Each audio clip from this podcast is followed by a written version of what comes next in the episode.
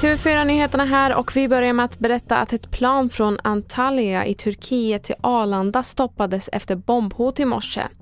Men efter en genomsökning av planet visade sig hotet vara falskt. Enligt källor till oss stoppades planet från att lyfta efter att en av passagerarna uttryckt ett bombhot. Personen fördes av planet och allt bagage ska ha sökts igenom och därefter kunde planet lyfta. Förhandlingar för att nå en diplomatisk lösning i Niger pågår för fullt. Både den västafrikanska samarbetsorganisationen ECOWAS och FN har medlare i landet. Samtidigt har tusentals unga män i Niger anmält sig som frivilliga till stöd för juntan om ECOWAS istället skulle gå in med trupper som organisationen tidigare hotat med.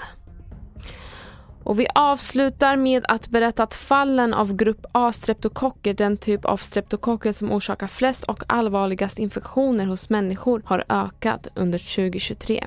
Vi hör överläkaren Magnus Gisslén om hur orolig man bör vara.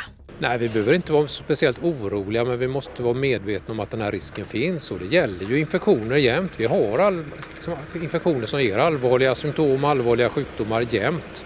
Just nu är det kanske då lite fler streptokockinfektioner. Även om man är fullt frisk så kan man bli väldigt svårt sjuk i en infektion.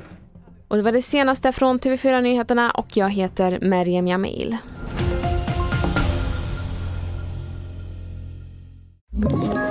Ett poddtips från Podplay.